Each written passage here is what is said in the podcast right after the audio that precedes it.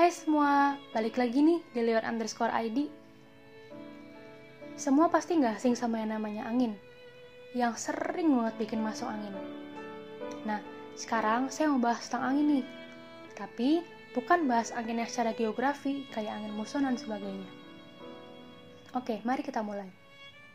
Saya pernah dengar sebuah pepatah. Angin berhembus bukan untuk menggoyangkan pohon, melainkan menguji seberapa kuat akarnya.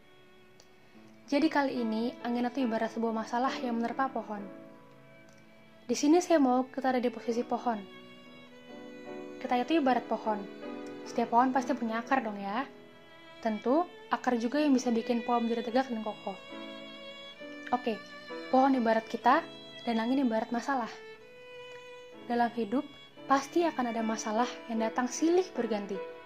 Nah, untuk tetap kuat menghadapi masalah itu, sama kayak pohon Pohon yang gak punya akar yang kuat pasti bakalan ambruk atau tumbang. Tapi, pohon yang kokoh atau kuat, mau diterpa angin segede apa pun, pasti akan tetap berdiri kokoh. Dan pastinya karena akarnya yang kuat. Pasti kita mau dong jadi seperti pohon yang kokoh. Gimana sih cara memiliki akar yang kuat? Yang pertama, bergaul dengan orang yang membangun. Orang-orang kayak gini nih yang kalian butuhin. Mereka adalah orang-orang yang selalu mensupport kalian dan merubah kalian menjadi pribadi yang lebih baik. Yang kedua, dengerin nasihat. Ini yang penting nih, apalagi nasihat orang tua. Yang ketiga, dekatkan diri sama Tuhan.